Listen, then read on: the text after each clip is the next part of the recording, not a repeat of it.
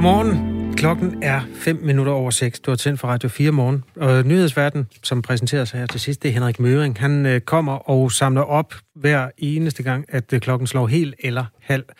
Og øh, ved siden af mig sidder Jacob Grosen, jeg hedder Kasper Harbo, og vi har øh, en masse andre historier, hvor vi går lidt mere i dybden med det. Blandt andet kommunal udligning. Ja, som er noget, vi ser nærmere på, og godmorgen i øvrigt.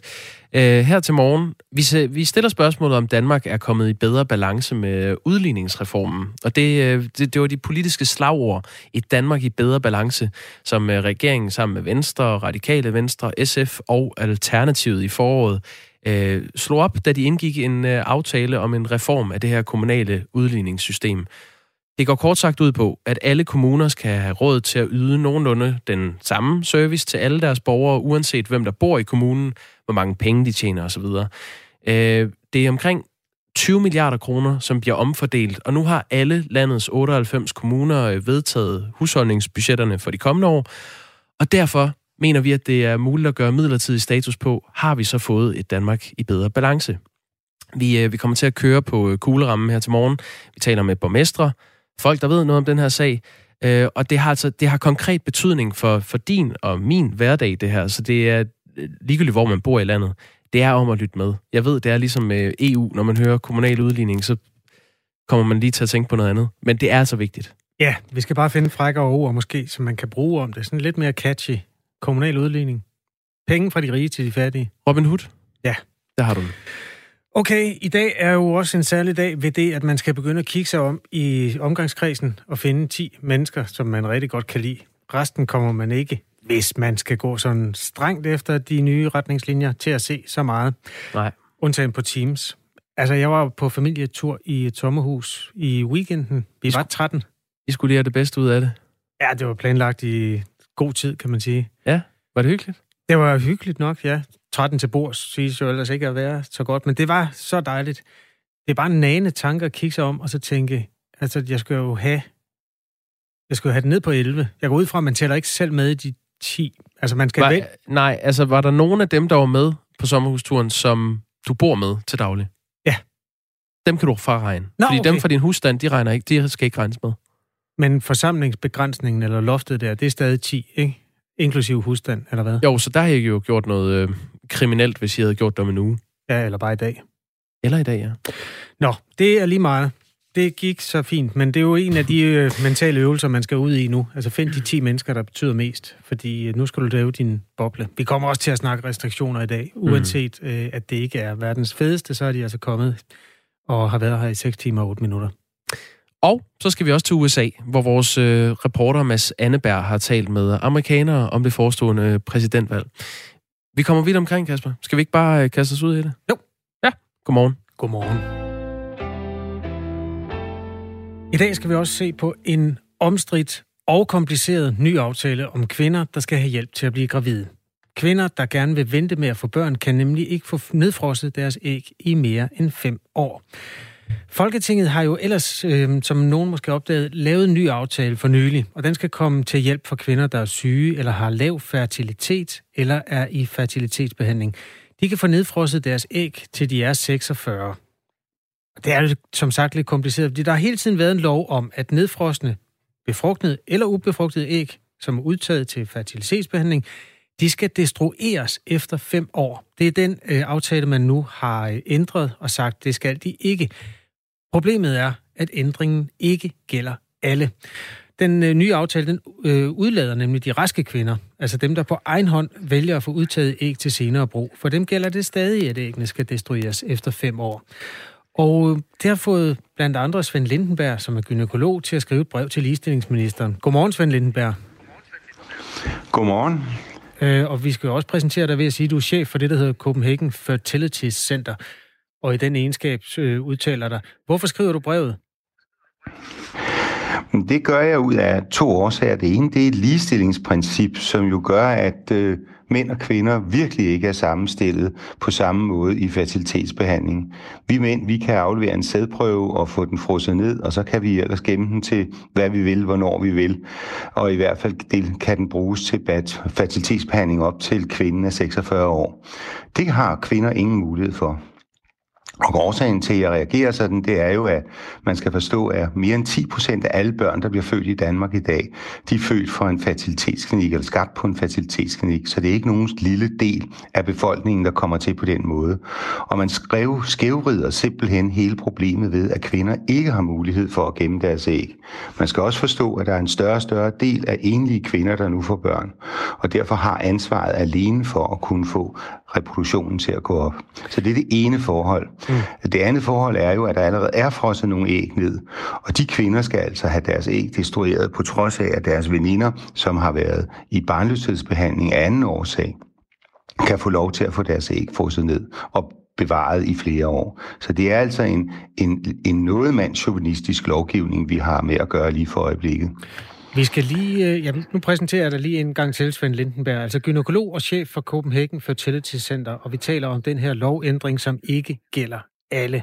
Øhm, jeg skal lige forstå din argumentation fuldstændig. Vil det sige, at du siger, at der er ikke noget biologisk øh, argumentation, eller nogen god biologisk grund til, at man gemmer længere tid på sæd, end man gemmer på æg, herunder altså kvinders evne til at bære et foster osv.? Ja, at Årsagen til, at loven er skruet sådan sammen, det er jo, at det er meget let for en mand at aflevere en sædprøve uden nogen fare for ham og få den frosset ned. Øh, I tidligere var der risiko forbundet med det at lave en reagensglasbørnebehandling og udtage æg for at få lagt dem i fryseren. Den risiko er jo nu så lille på grund af de nye metoder, vi anvender, så der er ligesom blevet jævn, lige fordeling af risici, om man afleverer en sædprøve, og man afleverer nogle æg i en fryser. Det forhold øh, er helt ændret. I gamle dage var det risikabelt at stimulere kvinden at tage æg ud. Det er det ikke længere på samme måde. Det er derfor, det argument ikke holder længere. Det holder ikke længere, at man skal kønsforskel behandle i fertilitetsbehandling på denne her måde. Det er derfor, jeg reagerer. Etisk Råd har anbefalet at ophæve grænsen på fem år for alle kvinder, og alligevel har Folketinget jo altså valgt, at den her lovændring, den her ophævelse af femårsgrænsen for, hvor længe nedfrosne æg bliver gemt, at den kun gælder øh, kvinder med lav fertilitet eller kvinder, som er syge. Øhm, og de, der er så også en grænse der, om den gælder indtil kvinden er fyldt 46 år. Ifølge Danmarks Radio, som også har kigget på den her sag, så skynder ministeriet, at hvis øh, grænsen ændres for alle æg, så vil det koste statskassen 11,8 millioner kroner årligt. Øhm, hvorfor er det, at du mener, at staten skal finansiere, at kvinder ikke har lyst til at få børn lige nu, men de kan vælge at få dem senere? Altså, det virker jo også som sådan en lidt, øh, hvad skal man sige, et, et bekvemmelighedsvalg, mere end et øh, medicinsk valg. Om det koster 11 millioner eller 2,6 millioner i vores statskassemiljø, tror jeg er fuldstændig ligegyldigt. Det er altså 8 millioner kroner i forskel. Så den kan vi godt sklette. Det er jo ligegyldigt i det penge, der bliver brugt for øjeblikket på fertilitetsbehandling. Øh, der, hvor forholdene går galt, det er i ligestillingsprincippet. Og så er det andet forhold, det er, at man har skruet ind i det lovforslag, som man nu skal godkende, det er, at hvis man er syg, så kan man godt få lov til det. Så er mit spørgsmål bare, hvor syg skal man være, før man kan få lov til at lægge sin æg ned i en fryser? Er det ikke sådan, så at vi tilbyder jo for øjeblikket kvinder at få barnløshedsbehandling op til de 46 år gamle? Og de sidste par år i det her forløb vælger de allerfleste ægdonation eller embryodonation, altså kvinders æg, fra altså andre kvinders æg. Og der ville det jo være mere hensigtsmæssigt, at de kunne bruge deres egne æg. Og jeg er også ret sikker på, at det ville være meget billigere, hvis de havde gemt deres egne æg til det her tidspunkt. Så det er altså ikke en fordyrelse at tage den her del af kvinder, kvinderne med. Men kan du forsvare, hvad skal man sige, den beslutning, at øh, man har lov at udsætte sin graviditet til det passer en, altså ud fra et et, øh, en argumentation, der ikke handler om ens øh, helbred. Det handler i virkeligheden om, hvornår det er mest, øh, altså hvornår det passer bedst til ens liv at, at blive gravid. Er det ikke en meget sådan bekvemt måde at øh, drive sundhedspolitik på? Nej, det er det ikke. Samfundet er skruet sådan sammen i dag, så kvinder er næsten 30 år eller ældre, før de får deres første børn. Og det er ikke fordi kvinder gerne vil. Det er simpelthen fordi, at samfundet med uddannelse, karriere og den måde, vi har skruet det sammen på, nu efterhånden tvinger kvinder til at blive over 30 år. Det er et samfundsmæssigt problem. Det er ikke et etisk problem for den enkelte kvinde hun gør bare det, hun bedst kan for at få de børn, hun skal have, eller parret. Det er jo helt, samfundet skulle jo laves helt om. Alle kvinder burde jo få deres børn ud fra et reproduktionsbiologisk synspunkt, før de er 30 år gamle. Det gør de jo ikke, fordi de har, vores samfund er skruet sådan sammen, som det er. Og det er jo en helt anden opgave at tage hul på den. Lidt senere på morgen skal vi tale med blandt andre Socialdemokraternes øh, ordfører på området, der hedder Camilla Fabricius. Jeg, jeg har lidt øh, politisk citat fra Dansk Folkepartis sundhedsordfører, der hedder Lislot Blikst. Hun siger sådan her. Vi får et kunstigt samfund, hvis vi indretter reglerne for nedfrysning efter, at kvinderne kan opbevare deres æg, indtil det passer ind i deres liv at blive gravid. Citat slut. Øhm, kan man ikke argumentere for, at vi er, har fjernet os meget fra naturen, og det argument forstår jeg ikke. Det, Dansk Folkeparti har jo selv været med til at skrue uddannelsessystemet sammen på en sådan måde, så kvinder dårligt kan få deres børn under uddannelse, og også det karriereforløb, der er. Så det forstår jeg ikke, og man forstår heller ikke, at øh, i dag er 10 år, hver tiende barn i en børnehave er født efter reproduktionsteknikker på en, barn, på en fertilitetsklinik. Så det er jo altså en ganske væsentlig del af vores samfund, der bygger på det her allerede. Så det argument, det holder altså ikke. Tak fordi du belyste fra din side, Svend Lindenberg. Tak lige måde. Som altså uddybede et øh, brev, som han har skrevet øh, i den her sag øh, til ligestillingsministeren, øh, hvor han argumenterer for, at øh, reglerne, som de nu er blevet, ikke er rimelige. Svend Lindenberg, som er gynekolog og chef for Copenhagen Fertility Center. Vi skal øh, som sagt tale med Socialdemokraternes ligestillingsordfører lidt senere, og har allerede i det her interview fået lidt at skyde med hvis du er et af de, de mennesker, der har noget på spil i den her sag, så må du gerne øh, skrive til os. Meget gerne. På øh, 1424 start beskeden med R4 efterfulgt af din øh, kommentar. Og øh, det kan jeg da sige, det er der en, der har gjort denne mandag morgen her klokken 16 minutter over 6. Øh, det er en lytter, der skriver nej. Det er en opfordring, skråstrej anbefaling, at man maks er 10 i private hjem. Det er ikke strafbart. Du, det skifter, jo, du skifter emne nu. Ja, det gør jeg nemlig. Det er jo en kommentar til, at vi talte om de her nye coronaretningslinjer øh, fra regeringen, som blev præsenteret på et pressemøde i fredags. Og øh, dem kan vi da lige så godt lige vende. Det har du ret i, kære lytter. Det er, øh, man kan jo ikke gå ind og, og på den måde arrestere 11 mennesker til bords omkring middagsbord. Men det er en opfordring. Ja, okay, skal vi løbe det igennem? Altså, Lad os gøre det. Fredag, mandag og fire uger frem, altså til og med den søndag, der kommer om ja, fire uger, så øh, skal man se lidt færre mennesker, end man måske har været vant til. Så sænker vi forsamlingsforbuddet fra 50 personer til 10 personer. Så vi begrænser antallet, vi ses med. Vi ved godt, at et forsamlingsforbud på 10 personer er meget indgribende. Og derfor ønsker vi heller ikke, at det skal gælde en dag mere, end hvad det er nødvendigt. Ja, og det betyder altså, uden for ens egen bolig og have mm-hmm. det her øh, forsamlingsforbud. Det vil sige for eksempel, hvis man tager i sommerhus, som vi gjorde. Øh, jeg beskrev min familietur for lidt siden. Ja. Med 13 stykker. Så, øh, så er man over. Øh, der må ikke være flere end 10 deltagere til holdundervisning i fitnesscenter, eller til korundervisning, eller private fester, som sagt.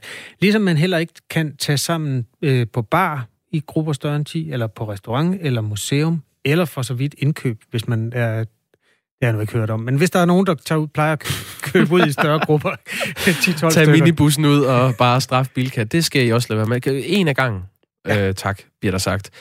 Øh, det her forsamlingsforbud, eller det er jo noget baks at kalde det det. Det er jo, nu er man, man faktisk gået over til at kalde det et forsamlingsloft, ja, hvilket bedre. giver bedre mening. Men det gælder øh, altså ikke som tidligere på, øh, på arbejdspladser og skoler og daginstitutioner og sygehus og ved demonstrationer og hvad har vi. Så der er, der er også en del undtagelser for det. Øh, børn og unge kan fortsat dyrke holdsport som håndbold eller fodbold eller noget øh, tredje, men kun med mennesker, der er under 21 år. Hvis man er over 21 år, øh, så... Ja, så er det 5 mod 5. Ja, så er det maks 10. Men de nødvendige voksne, som det hedder, der skal øh, stå og afvikle de her øh, foreningsaktiviteter, de må godt være der, selvom de er over 21 år. Ja, og i øvrigt, øh, hvis nu det er sådan en håndboldhal, hvor man sidder og med klappepølser og kigger på sine børn, så må der også gerne være tilskuere op til 500. Må man synge med på DJ Ötzi? Det der, tror jeg ikke. Der bliver du nok nødt til at skrive en mail til Kåre Mølbak. Det vil jeg gøre. Det er faktisk i tvivl om. Ja. Det, der gælder i forhold til professionel idræt, det er jo i hvert fald, at øh, der er ikke øh, den type forsamlingsforbud, og det vil sige, at de kan spille 11 mod 11 i Superligaen, øh, indtil de røde kort de kommer. Nu sad vi og så en kamp i går, går jeg ud fra. Oh, ja. AGF FCK øh, topkamp øh, i en eller anden grad. Øh, med, ja, der, der var Meget lige før, de, fodboldkamp. Det var lige før de kom ned under forsamlingsforbuddet til sidst. jeg tror, der var ni gule kort og to røde. Anyway, undskyld afsporingen. Altså Superligaen øh, må der spilles, det må der også i håndbold, ishockey osv., men med maksimalt 500 tilskuere på lægterne. Ja, og, og sådan lidt øh, overflyvningsagtigt kan vi jo så sige, at øh, fra på torsdag og frem til den 2. januar, så er der også krav om at bære mundbind, og det gælder alle indendørs offentlige steder. Det er jo, når du skal have øh, købe ind, eller hvis du skal øh, på biblioteket, eller hvis du skal i biografen, eller noget helt tredje, fjerde, så skal du have mundbind på. Ja, der er masser, det er af, ja. der er masser af nuancer i det her. Jeg ved ikke, om vi skal tage dem drøbvis hen over morgenen, fordi jeg er sikker på, at man også kan finde nogle steder, hvor man kan sætte kniven ind. Altså, ligesom alle andre steder i restriktionspyramiden, øh, der, så er der jo nogle steder, hvor der er en lille smule ulogisk. Må jeg lige, må jeg lige øh, bare lige væsse min kniv og sige, jeg var lige ved at stikke den ind i, øh, i fredags efter pressemødet. Det var angående fitnesscentrene. Bare lige lynhurtigt. Øh, fitnesscentrene var jo tidligere kendt som en superspreder på linje med natklubberne. Det var det, vi fik at vide i, i foråret. Fordi man proster? Man proster og stønner. Øh, så kom de her mundbindsrestriktioner øh, om, at man skal bære mundbind alle offentlige steder. Det, det var ikke rigtig tydeligt, om det galt, når man skal ned og træne i fitnesscenteret. Så blev det så i løbet af weekenden præciseret, at det gjorde det faktisk. Man skulle have mundbind på, når man gik fra maskine til maskine. Men det blev efterfølgende præciseret igen.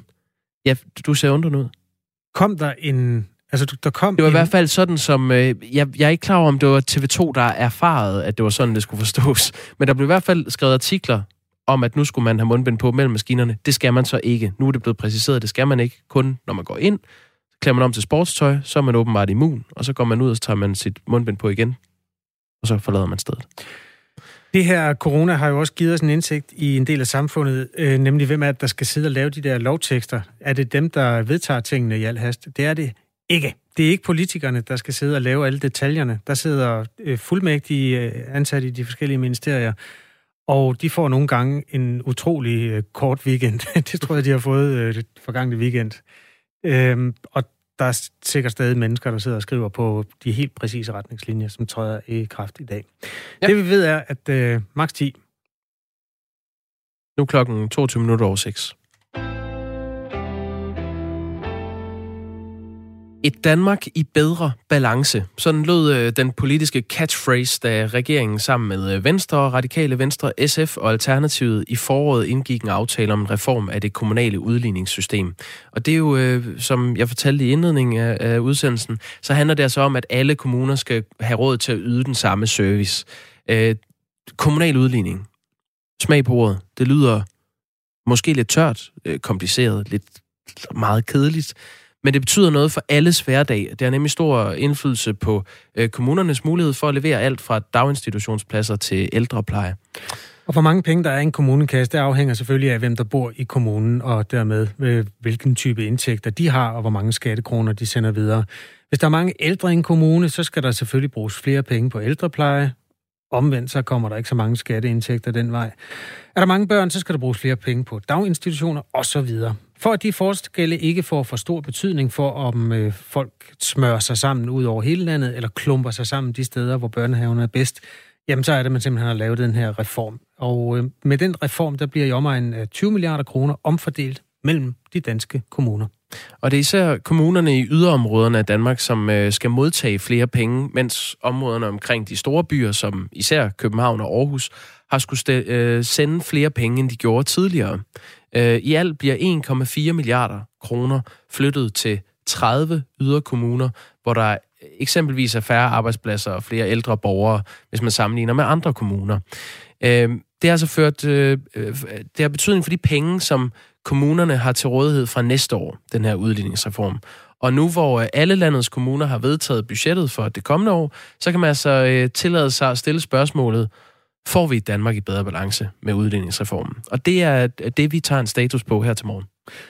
Og vi sender jo til hele Danmark, så hvis du øh, ved, hvad den her udligning kommer til at betyde, altså enten er plusser eller minuser i din kommune, øh, så vil vi rigtig gerne høre fra dig. Du kan jo hele tiden skrive sms'er ind til Radio 4 morgen, når du føler for det, men særligt hvis du har noget på spil. Måske skal du betale mere i skat til næste år som en effekt af udligningen, eller måske får du flere pædagoger øh, i de børnehaver, hvor dine øh, børn går. Vi vil meget gerne høre fra dig. Øhm, skriv, hvilken kommune du bor i, og hvor det er, at udligningen flytter på noget. Øh, I en sms, som du har, lige har indledt med at skrive R4 og et mellemrum, og ja, så beskeden, også gerne hvad du hedder, og så send den til 1424. Altså R4, et mellemrum, en besked til os, og så send den til 1424.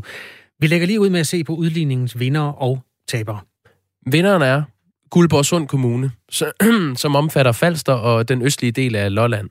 Det er den kommune, der får flest millioner. De får 120,2 millioner kroner, øhm, og det er øh, altså flere penge, end kommunen hidtil har fået i udligning før reformen. Det har gjort det væsentligt nemmere at forhandle øh, budget i byrådet i år. Faktisk var Guldborgsunds politikere nogle af de første i Danmark til at præsentere et budgetforlig for næste år. Og øh, der er sat markant flere penge af til velfærd. Desuden er der udsigt til den første skattelettelse i Guldborgsund Kommunes historie. Øh, jeg har ringet til borgmesteren, som hedder John Breder fra Guldborgsund-listen, for at høre, hvad øh, de her 120 millioner kroner kommer til at betyde for velfærden i kommunen i det kommende år. Jamen, det er en verden til forskel, fordi øh, man kan jo reelt sige, at nu har vi råd til at, at, at opfylde de velfærdsting, som der er strengt nødvendige for et øh, Danmark i balance. Vi havde på på indværende år, der kan vi se, at vi havner ude med cirka 100 millioner kroner i øh, minus ud fra vores nuværende kvalitetsstandarder, og det har vi således øh, haft mulighed for at tilføre områderne, så det er vi egentlig startet med at tilføre de 100 millioner kroner til vores velfærdsområder, således så det er i balance. Og at vi ikke øh, skulle ud og, og, og køre en, hvad jeg næsten kalde øh, øh, vendetta imod vores øh, primære serviceområder, altså børne- og ældre- og socialområdet øh, hovedsageligt. Så hvis vi ville kigge lidt, om der var øh, andre tilførsler, som var strengt nødvendige. Det har vi valgt at vente med og tage bestik af, og derfor har vi lavet en bufferpulje, som gør det muligt, at hvis budgetterne løber skævt, fordi vi stadig kan se, at vi, vi har en udfordring på de sociale områder, så har vi en øh, bufferpulje, der kan dække det. Og så har vi over de sidste øh, øh, 10 år, der har vi sat skatten op med 2,06 procent. Og for også at få skatten i balance, jamen, så har vi valgt at sætte vores skat ned med en halv procent fra 26,3 til 25,8. Så det er stort set, hvad pengene de er brugt til. Det er en øh, afstemt og glad mand, øh, John Breder, øh, borgmester i Guldborgsund Kommune fra Guldborgsund-listen. Hvis man øh, vender kompasset øh, fra Guldborgsund mod nordøst, så finder man øh, Rudersdal Kommune nord for København, som ligger på en flot tredjeplads over kommuner, som skal afgive penge i forbindelse med udligningen. De stod i beregningerne fra øh, øh ministerierne, Finansministeriet og Social- og Indrigsministeriet, til at skulle aflevere i omegnen af 115 øh, millioner kroner til de fattigere kommuner.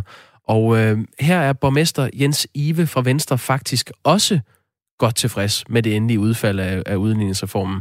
Det viser sig nemlig, øh, ifølge borgmesteren, at øh, Rudersdal Kommune ikke kommer til at skulle sende så mange penge afsted som først antaget. Vi skal lige høre et klip med ham, hvor han fortæller, hvilken betydning udligningsreformen får for borgerne i Rudersdal Kommune. Jamen, den har skabt en mulighed for os øh, på, at vi nu kan lave en, en øh, skattefinansieret pulje, øh, hvor vi beholder alle pengene selv, som vi så kan investere i vores børn, unge og idrætten. Øh, den har også haft den konsekvens, at vi ikke øh, skal øh, sætte skatten op for at betale yderligere udligning. Øh, det er selvfølgelig komplekst at regne på, men, men vi kommer ikke op i nærheden af 100 millioner i skøn på min side vil være måske 75-80 millioner om 4-5 år, øh, så vi er et godt stykke ude i fremtiden, inden det måtte ramme os. Så du er faktisk en tilfreds mand? Ja, jeg synes øh, specielt set i forhold til det øh, meget grumme udgangspunkt, vi havde, så har vi alt mulig grund til at være tilfredse med den forhandlingsløsning, der blev. Det kan vi godt leve med i Rødesdal, og så er jeg også glad for, at man i højere grad har fokuseret udligningskronerne over på de kommuner, hvor der er et reelt behov, øh, så der ikke blev alt for meget øh, kammerateri i det. Det sagde øh, Venstreborgmester i Rudersdal Kommune, Jens Ive, og det kammerateri, han hentyder til her til sidst, det var debatten om regeringens oprindelige udspil til udligningsreformen, øh, hvor de socialdemokratiske Vestegnskommuner stod til at få væsentligt mere på grund af udlændingeudligning, som blev skåret ned i den endelige aftale. Men det kan altså lyde som om, at der er øh, tilfredshed med udligningsreformen, både hos de rige og de mindre rige kommuner. Klokken kvart i syv ser vi nærmere på, om Danmark faktisk kommer i bedre balance med udligningsreformen. Og det gør vi med en øh, forsker i kommunal udligning. Senere har vi også en øh, debat, jeg glæder mig til, mellem to borgmestre. Vi skal til USA efter nyhederne, nu klokken halv syv.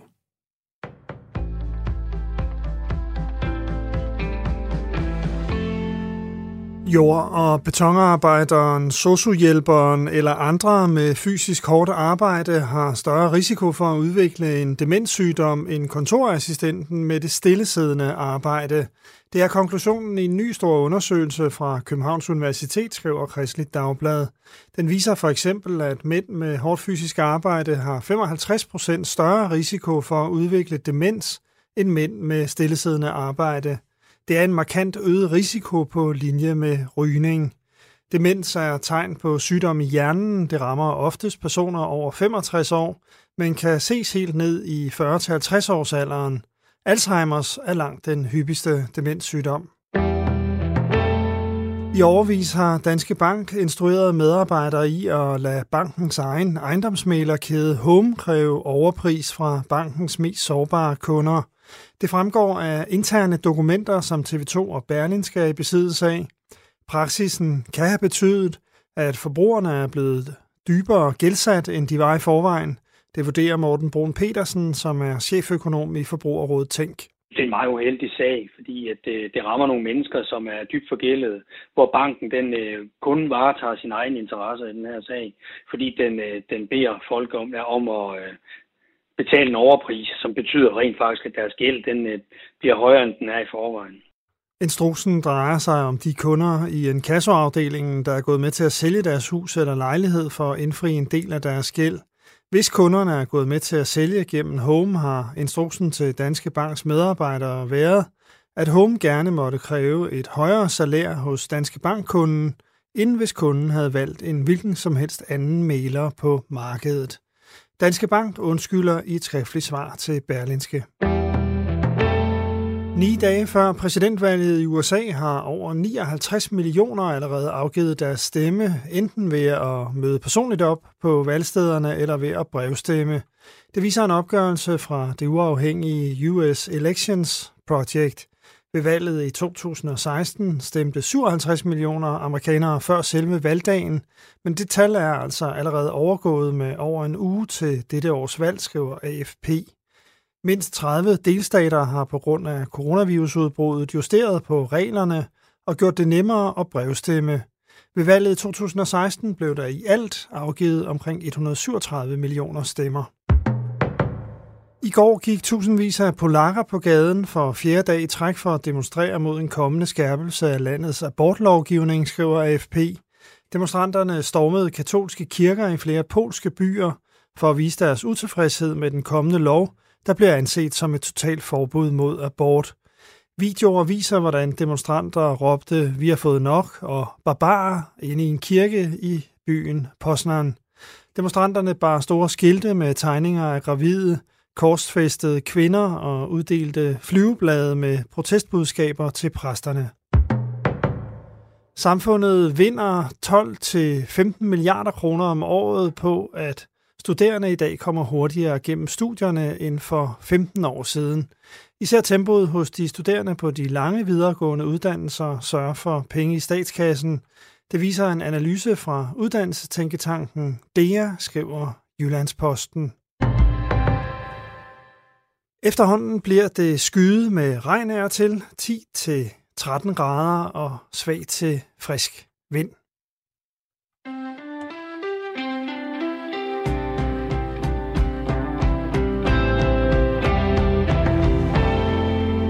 Du stod op til en øh, mandag morgen. Det kan også være, du ligger i sengen og overvejer at stå op til den. Den hedder den 26. oktober, og klokken er 6.34. Det er... Øh...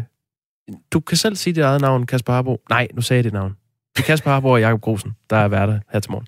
Godmorgen. Godmorgen. Steve er op, øh, heldigvis. Han har skrevet, der må være 500 personer til stede på stadion. inklusive spillere, trænere, stadionpersonale, journalister og tilskuere, hørte jeg det som. Og så spørger Steve, har I tænkt jer at belyse kritikken fra læger, som efterhånden er vokset pænt stort? De slettede e-mails snakkes der heller ikke med om mere. Eller er det bare, eller er det bare talerørsradio igen i dag? Spørg Steve. Øh, jeg går ud fra, at Steve taler om øh, Sundhedsdatastyrelsens øh, slettede e-mails. Det er jo en øh, sag mest mystisk. Har du, øh, har du noget at byde ind med på den historie, Kasper? Jeg ved ikke, om de er blevet genskabt, de der øh, enormt mange mails. Det var lidt mærkeligt, at man pludselig... Altså alle har prøvet, at en mail, der burde være der, ikke var der, men at alle mails forsvandt på en gang. Det er vist første gang i Danmarks historie. Så man ikke de dukker op igen.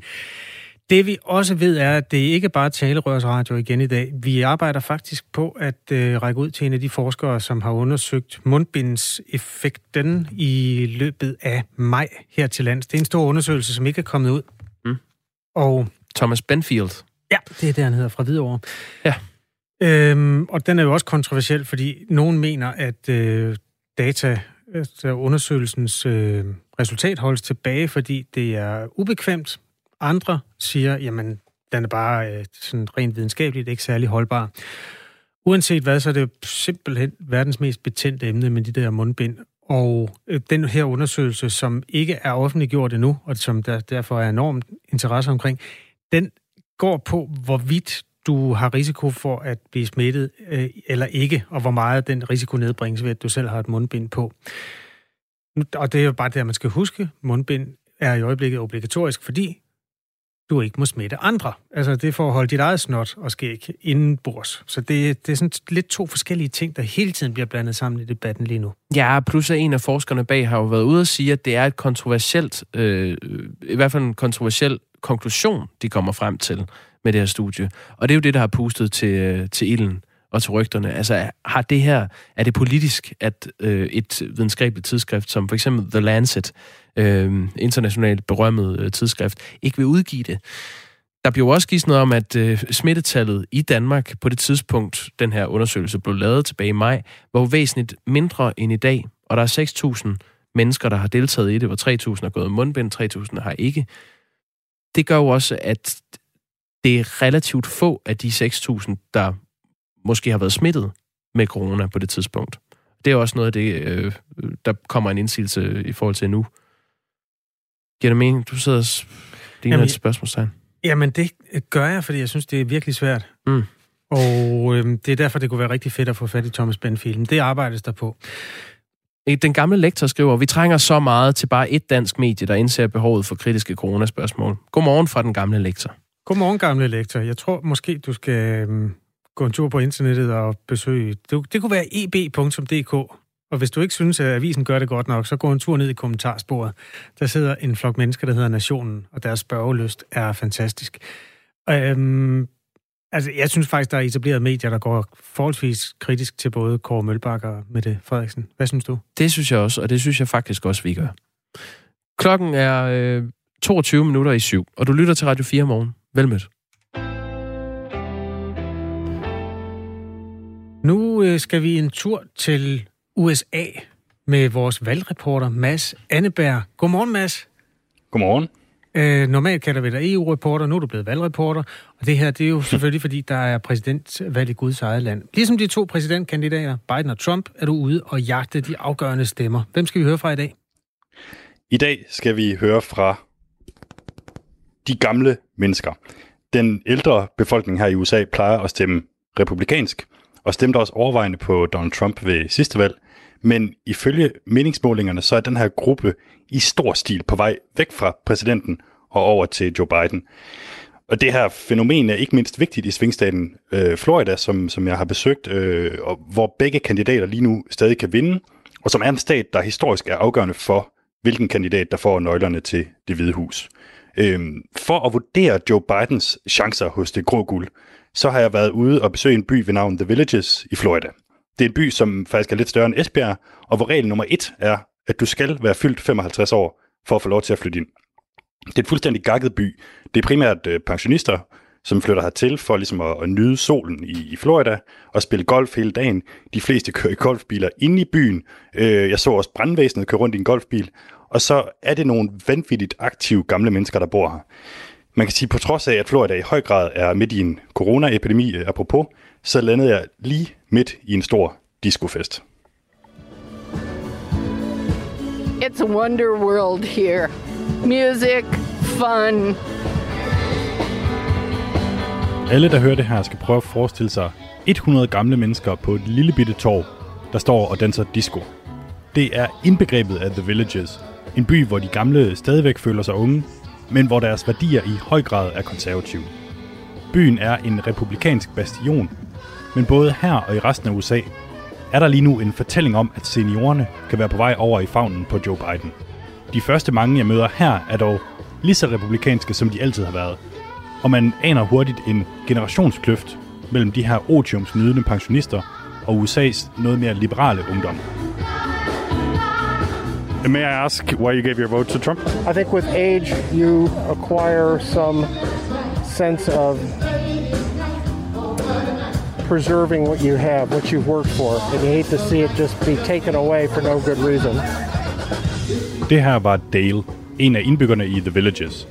Han stemmer på Trump, fordi, som han siger, med alderen får han lyst til at bevare tingene, som de er. Altså bevare det USA, som han har kæmpet hårdt for at være med til at bygge op. you know, f- fake news, right? If you're one of them, I don't want to talk to you. Uh, I think he's done very, very well. Det er måske virkelig lidt paradoxalt, men for mange af de her vælgere, der er det Trump, som er status quo-kandidaten, og ikke Biden. De er nemlig bange for, at demokraterne og deres unge vælgerskare vil trække USA i en socialistisk retning. What is it you think that the younger people aren't understanding? Because they're looking to be a socialist, a socialist country. You know, is Denmark socialist? You could argue that, yeah. Yeah, yeah, and and socialist is maybe maybe it's good for you, but it's not good for America.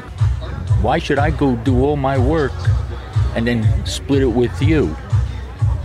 You didn't do nothing. You're going to stay home. No, don't work that way. And these young people looking for, I hate to say it, a freebie. Det her er Lou, og han mener, at de unge mennesker bare gerne vil have en gratis omgang. Modsat altså hans generation, som har måttet kæmpe for det, de har.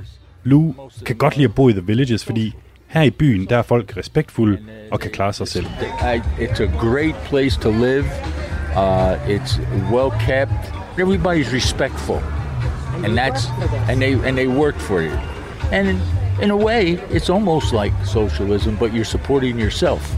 Socialism works if everybody's sort of rich. Yeah, right, exactly. If everybody's rich, it works great. Your allies in America are not all crazy. It seems like a lot of people here at this bar are Republican. I would agree. It's Florida. The state sucks. Ja, hvis man leder længe nok, så finder man altså også Biden-tilhængere her i The Villages. Det her er Andy. That is why when you're here, there are a lot of Democrats here. But you, you don't hear from them because they're not a part of the tribe. Og han tror, at der er rigtig mange skabsdemokrater her i byen, særligt i år, som kommer til at stemme på Biden, men ikke siger det højt, fordi de ikke gider noget vrøvl med naboerne. I mean, we do see more Biden signs lately, but demographically, it's it's pretty Republican. Jeg står for et meget, meget velfortjent glas hvidvin her i centrum af The Villages i øh, Florida, og er faldet i snak med et, et ægtepar, som altså stemmer på, på Trump. I just like the guy. I just think he's honest. And he's En af grundene til, at de gamle vælgere på landsplan kan være på vej over mod Joe Biden, er, at Donald Trump har fået stor kritik for sin håndtering af coronapandemien, som har taget livet af 225.000 amerikanere, og som især er gået ud over den ældre del af befolkningen. I det valgdistrikt, som The Villages ligger i, er gennemsnitsalderen 67. Det er det højeste i hele USA. Men alligevel, så er det ikke alle, der er bekymrede for corona. Could I ask how you think Trump has handled the pandemic? Very well, very well. This will all end election day. Election day, the pandemic will end. They want to keep it a pandemic. They want to keep us frightened, frightened, frightened. Look around behind me. How many masks do you see? Det er faktisk bemærkelsesværdigt, hvor let de her gamle festaber tager på coronaviruset. De står skulder ved skulder i baren, danser og lever livet næsten som de plejer. There are still uh, thousands of people in Florida who, who contract this virus every day. I mean, what do you mean when you say the pandemic will be over November 3rd? Numbers. Those are numbers. Numbers. You don't believe the numbers? Uh, no, no, absolutely not. Som så meget andet her i USA er corona blevet politisk, og Kelly og Mark her mener, som en del andre Trump-tilhængere, at faren er overvurderet. Personligt tror Mark, at de høje coronadødstal i USA er en sammensværgelse fra demokraternes side for at gøre folk bange og skade den amerikanske økonomi. You want to hear me say it? I don't- It's a democratic. It's a democratic. See, I'm yes, just saying. It's a conspiracy to kill the, the the United States economy. Ja, tak. Sådan lød det altså, øh, da Mads Anneberg var ude i øh, The Villages i Florida. Og hvis du var ude for at jagte Biden-tilhængere, så gik det ikke godt, øh, skal vi vel sige. Nej, det, det skal jeg lov for. Øh, men det er sjovt, fordi Trump-tilhængere i det hele taget kalder sig normalt det tavse flertal. Men i, det, i The Villages, der er det overhovedet ikke dem, der er tavse. Det er tværtimod demokraterne, der er det. Øhm, så efter den her øh, festlige aften i Donald Trumps tegn, så ændrede jeg lige en lille smule strategi og tog til et mere roligt arrangement for at finde nogle Biden-tilhængere. Jeg tog et smut til Van Aerobic med 20 ældre kvinder. Name again. Mads. Metz. Is that right? Yeah, that's about right. Metz is from Denmark, and he's going to be in the class today. Okay, so let's get started. Good morning. Good morning. Hop up on the wall, balance yourself with your forearms on that ledge, and do the splits against the wall. So hop up, do the splits. Jeg har altså fundet en her til aerobics-teamen, der stemmer på Biden. Do you feel a bit alone here in the villages with your political views? Um, somewhat, but I think there's more than people realize that are for Biden now, this year. Not four years ago. We're up to sit-ups. So you're floating on your er altså endnu en, som stemmer på Biden, og som siger, at hun tror, der er langt flere af hendes slags, end man lige ser med det blotte øje. Og det viser sig, at min Van Aerobic-instruktør heller ikke er på Team Trump. Uh, my name is Sandra Finlayson. I live in the villages. Hun er 83 år gammel og frisk som en havørn. Spiller i øvrigt også golf, tennis og alt muligt andet. Men politik, det er hun simpelthen helt holdt op med at tale om. Fordi folk meget hurtigt bliver rabiate. But uh, many like me don't support the Republican Party, particularly the current one. I would say that in the current political climate, I don't talk about politics because not only are people avid, they get to the rabid response to politics. And quite honestly, uh, it's a little bit scary. And I choose not to talk about politics to most people. Så er det slut. Yes, Yes. I did. Oh, yes, yes, Ja. yes.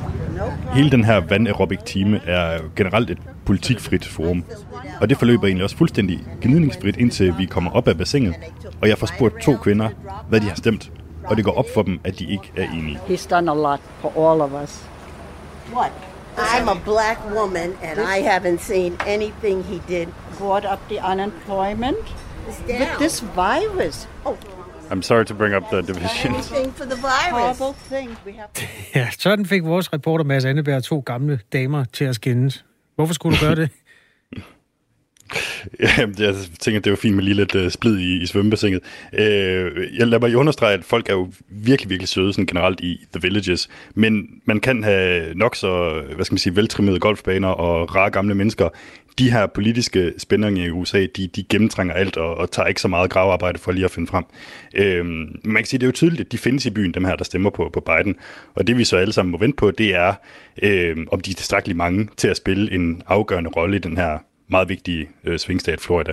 Og øh, en af de dage, hvor jeg var i The Villages, der besøgte øh, præsident Trump faktisk det her pensionistparadis for at prøve at opildne pensionisterne til, til død. Vi vender tilbage til, øh, i øvrigt, øh, også til Donald Trump, sammen med dig, Mads Anneberg, lidt senere på morgenen. Tak forløbig her, øh, hvor klokken den er 6.49, og øh, ja, 3. november rykker nærmere.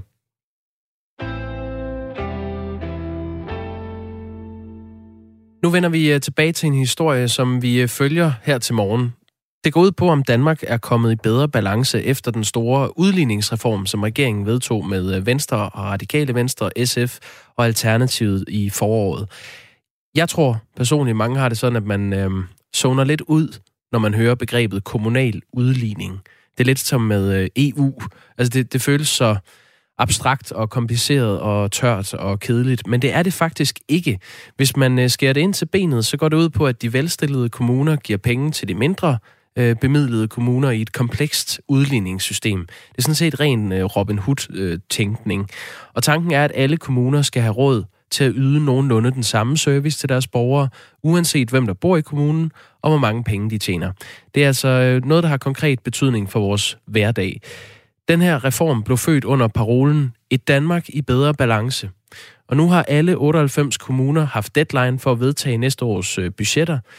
Derfor forsøger vi at gøre midlertidig status over, hvorvidt den politiske mission med udligningsreformen er lykkedes. Og det gør vi med dig, Niels Jørgen Mau Pedersen. Godmorgen. Godmorgen.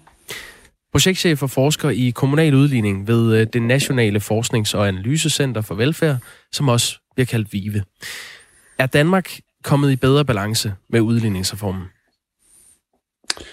Ja, man kunne i hvert fald blive enige om en reform, kan man sige. Og man, man flytter også en del flere penge rundt. Jeg har beregnet, at man tidligere flyttede øh, 20 milliarder, eller det gør man i år, men i næste år stiger det nok til 22 milliarder.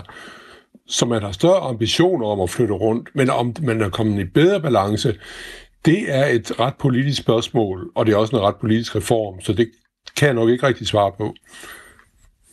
Du har ikke en overordnet øh, vurdering. Altså, er der, er der blevet bragt mere balance i, i regnskabet? Altså, der er givetvis nogle elementer i reformen, hvor man kan sige, der er blevet bragt bedre balance. Man udligner en større procent af de forskelle, som man beregner, for eksempel. Men hvis man, øh, man afskaffer sådan noget, som der, der hedder hovedstadsudligningen, det er jo sådan set et politisk tiltag. Det kan man ikke sige, at det bringer mere balance så kommer man ganske vist med noget andet, men så siger, så hjælper man udsatte hovedstadskommuner, men er det så øh, en, en større balance? Det, det ved jeg ikke, om man kan sige. Men som sagt, man flytter mere rundt.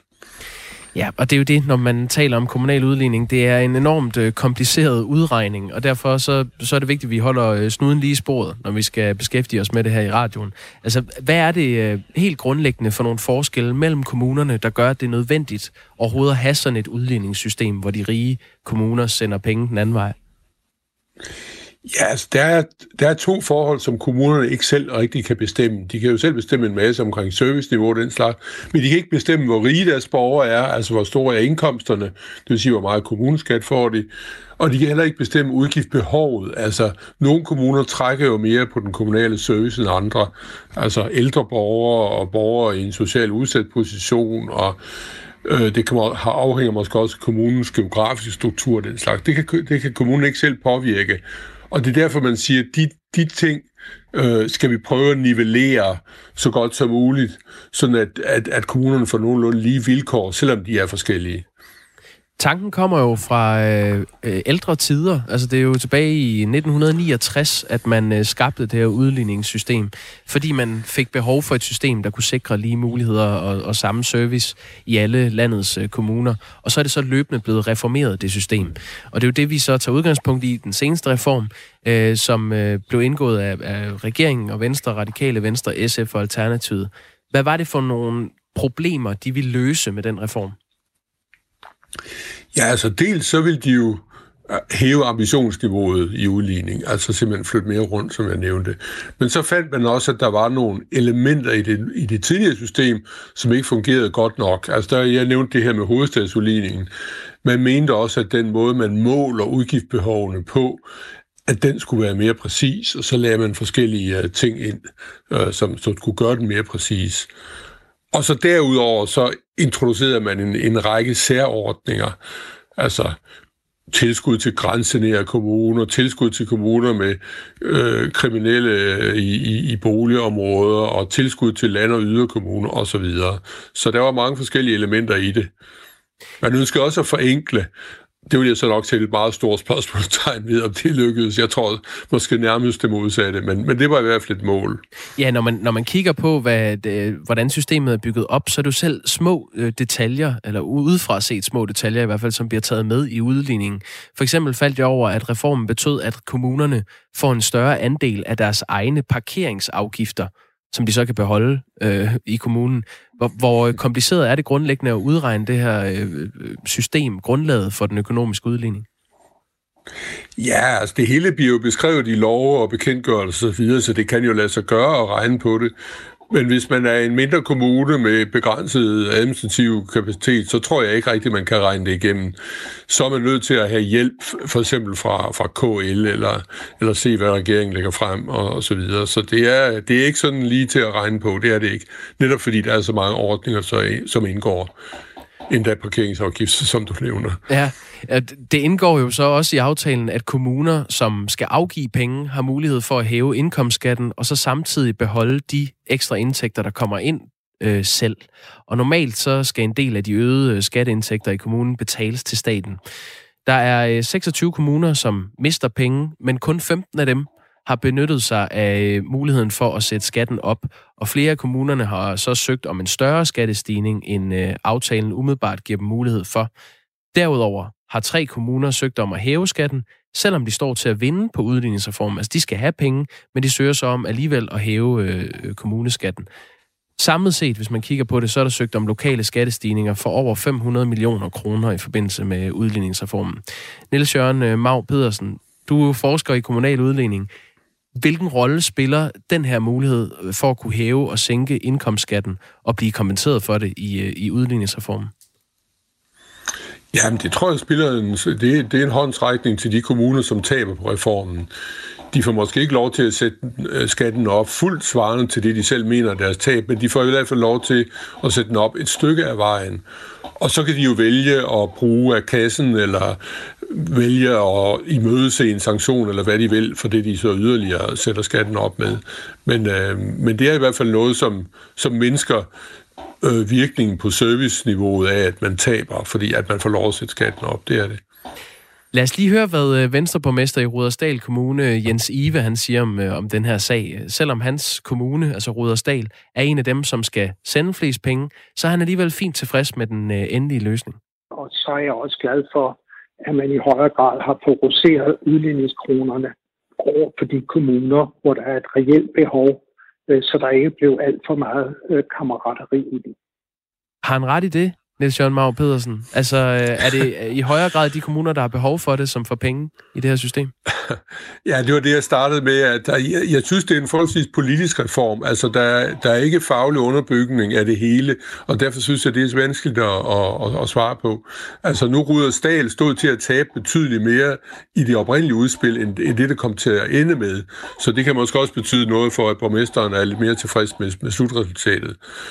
Øh, Ja, ja. Jeg, tror, jeg tror ikke, at man kan, man kan afgøre det videnskabeligt, om det er mere eller mindre retfærdigt. Nogle gange så skal man tage et konkret afsæt for øh, sådan for alvor og, øh, at forstå princippet i tingene. Og det gør vi klokken øh, kvart over syv. Der har vi en debat mellem øh, Gentoftes, øh, Gentofte Kommunes borgmester, øh, som er konservativ, han hedder Hans Toft, og så næstved socialdemokratiske borgmester Carsten Rasmussen.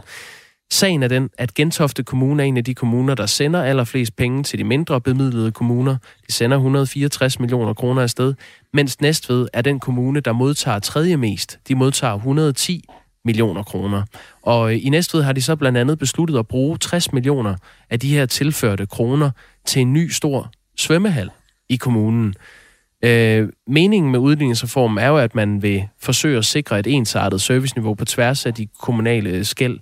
Er det din vurdering, at en svømmehal ligger i den kategori? Altså, mange vil nok mene, at, at, at service og velfærd, det er noget med normeringer i daginstitutioner, i skolen og ældrepleje og den slags. Men hvis man lokalt mener, at en svømmehal, det er faktisk service på kulturområdet, og det ønsker man at bruge penge på, så må man jo tage det, sige, det er jo det kommunale selvstyre, det, det må man respektere. Øhm, jeg vil nok tro, at hvis alle kommuner brugte deres gevinst, alle gevinstkommunerne, dem der vandt på reform, de brugte det til svømmehaller, så ville jeg tro, at regeringen blev lidt skuffet, men, øh, men lad os nu se. Niels Jørgen Mau Pedersen, øh, projektchef ved det Nationale Forsknings- og øh, Analysecenter for Velfærd VIVE, hvor du blandt andet forsker i kommunal udligning. Tak fordi du var med her til morgen. Ja, selv tak. Må jeg, må jeg lige spørge dig her på falderæbet? Nu har det lidt været elefant ja. i rummet. Står du i et hønsehus? Ja. Et hønsehus? Nej, jeg, jeg det lyder som om, inde... Nå, det lyder bare som om, der er høns i baggrunden. kan det være? Ej, ved du hvad, det, ej, det er pinligt. Det er min kontorstol, der knirker på. Okay. Det må du altså meget undskylde. Ja, ved du hvad? Tak, ja. ja, ja, det er Jeg er ikke særlig professionel på det. Jeg skulle have sat mig på den anden stol. Det var altså meget undskyld. Det, nej, det gør ingenting. Det var, det var ganske fint. Tak for det hele. Den skal have lidt VD40, den der. Så er det, knirker den ikke mere. Nå, okay. Det skal jeg huske. Tak ja. skal du have. Ja, det var så lidt. Øhm, og således en win-win-situation med hjælp fra forskeren fra VIVE. Det var, øh, I kom under om det hele, og vi vender jo tilbage til sagen lidt senere. Ja, det gør vi. På den anden side af nyhederne. Vi skal også se på, jamen altså, der er jo masser af corona i luften selvfølgelig, de friske tal. Øh, vi skal se på de steder, man skal tage hen i Danmark for ikke at få det. Vi skal også til USA igen, og i det hele taget er der mange gryder i kog her i Radio 4 morgen, som er med Jakob Grosen, Kasper Harbo og nyhedsvært Henrik Møring klokken 7.